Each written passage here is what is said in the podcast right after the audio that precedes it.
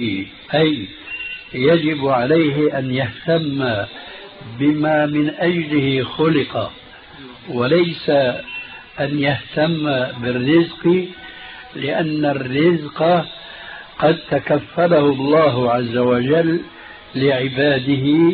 وقدره منذ أن كان جنينا في بطن أمه كما تعلمون من الأحاديث الصحيحة. التي جاء فيها أن النبي صلى الله عليه وآله وسلم ذكر أن الله تبارك وتعالى يرسل ملكا إلى الجنين وهو في بطن أمه فينفخ فيه الروح بعد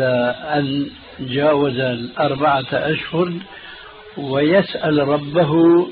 عن عمره عن رزقه عن أجله عن سعادته أو شقاوته. كل هذا قد سجل. كما جاء في قوله تبارك وتعالى على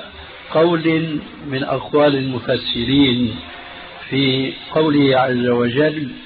وفي السماء رزقكم وما توعدون فالله عز وجل قد قدر الرزق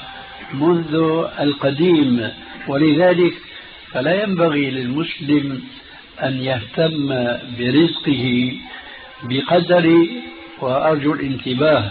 لا أقول أن لا يهتم بالسعي وراء رزقه لا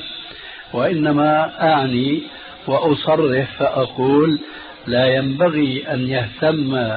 المسلم برزقه بتحصيل رزقه بقدر